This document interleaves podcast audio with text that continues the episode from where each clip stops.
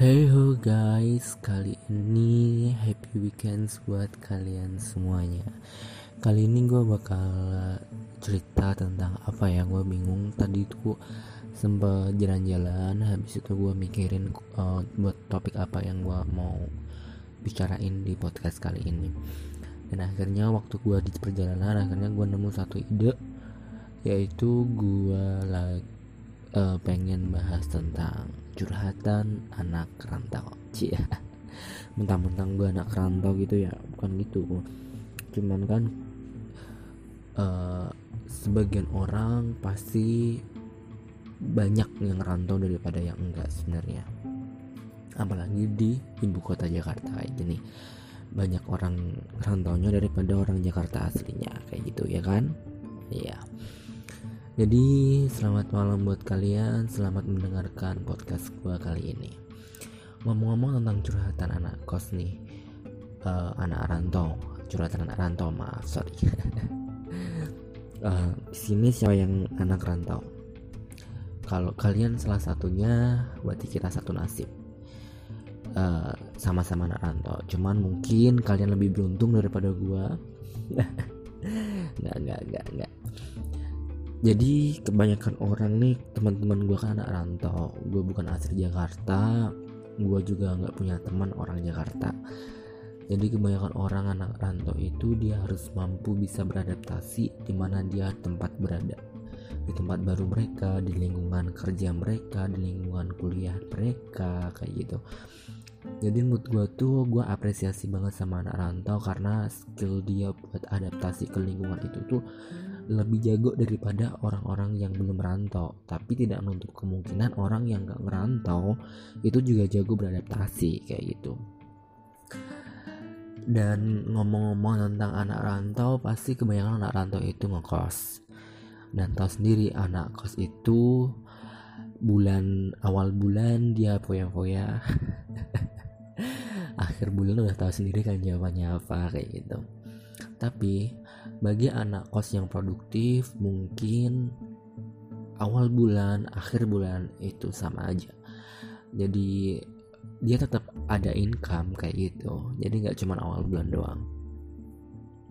So buat kalian yang masih anak rantau tapi masih kurang produktif come on lah. Zaman sekarang itu tuh masih udah banyak banget gimana kita buat produktif. Gimana kita buat berkreasi, berkarya. Contohnya lewat podcast kayak gini. Podcaster Indonesia itu dibilang banyak-banyak, dibilang dikit-dikit. Jadi gimana tuh? kalian sendiri yang tahu jawabannya kayak gitu. Menurut gua kalau anak rantau itu dia harus mampu memutar otak mereka buat gimana caranya dia bisa uh, bertahan hidup di kota orang, di lingkungan orang kayak gitu jadi dia perlu ekstra banget. Tenaga pikiran skill yang harus dia asah itu harus benar-benar ada kayak gitu. Sehingga dia menjadi pribadi yang lebih lebih lebih dan lebih kayak gitu. Ngomong-ngomong anak kos by the way uh, anak kos itu punya trik sendiri buat gimana dia manage sendiri buat keuangan dia manage waktu manage pokoknya dia pinter lah dalam manage. Tapi nggak semua anak kos pinter manage ya. Termasuknya gue gue juga nggak pinter buat manage ini itu ini itu. Terus anak kos itu anak rantau itu dia ada salah satu penyakit. Penyakitnya itu pasti yang paling sering itu homesick. Termasuk gue homesick kangen rumah rumah halaman, kampung halaman, kangen sama keluarga. Iyalah kita berada di kota orang, kita nggak punya keluarga siapa-siapa, kita nggak punya temen yang dari dulu udah lama maksudnya kayak gitu kan. Kita harus beradaptasi dengan lingkungan baru, dengan uh, adat baru, dengan gaya-gaya baru kayak gitu. Sehingga membuat kita pribadi yang beda sebel uh, sama yang sebelumnya tapi pesan dari gue itu jangan sampai melupakan dari mana lu berasal. Seperti itu. Ngomong-ngomong anak rantau pasti ada juga yang namanya tentang masalah cinta. Kebanyakan anak rantau biasanya dia meninggalkan cintanya untuk mengejar cintanya. Atau gimana tuh jadi dia tuh sebenarnya sebelum dia ngerantau dia tuh udah punya pasangan kayak gitu. Akhirnya untuk menggenapi janjinya untuk menghalalkan pasangannya itu akhirnya dia ngerantau buat cari modal gimana caranya buat halalin si doi. Tapi masalahnya banyak orang nggak bisa bertahan ketika dia sedang long long distance relationship atau hubungan jarak jauh termasuk salah satunya gue gue bukan tipe orang yang uh, bisa bertahan untuk hubungan jarak jauh. Gue nggak bisa namanya jarak jauh. Kenapa? Why? Emang kalau gue akuin buat kalian yang sedang LDR dan kalian belum ada apa-apa belum ada konflik gue akuin kalian keren banget. Karena gue uh, selalu mencurigai mencurigai dan selalu mencurigai. Jadi curhat nih gue kayak gitu. Jadi uh, buat kalian bi uh, biasanya anak rantau itu pada galau galau antara uh, mau nyari pacar di kota orang tapi kayaknya kejauhan nanti kalau misalnya acara resepsi. Tapi kalau nyari di kota sendiri juga nggak mungkin. Soalnya harus jarak jauh kayak gitu kan. Serba salah sebenarnya kalau jadi anak rantau makanya itu.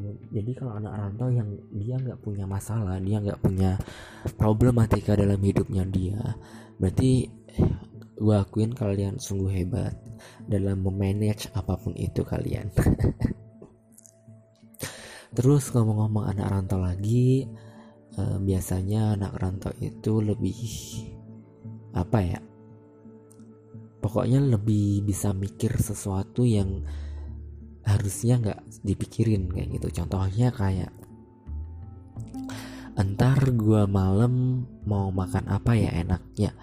Kayak gitu. Kalau di rumah kan enak kan uh, udah disiapin sama keluarga atau pembantu yang ada di rumah. Tapi kalau anak rantau kan kita harus mikir kita harus makan apa nih supaya nanti ke depannya tuh uang kita nggak ludes di akhir bulan kayak gitu.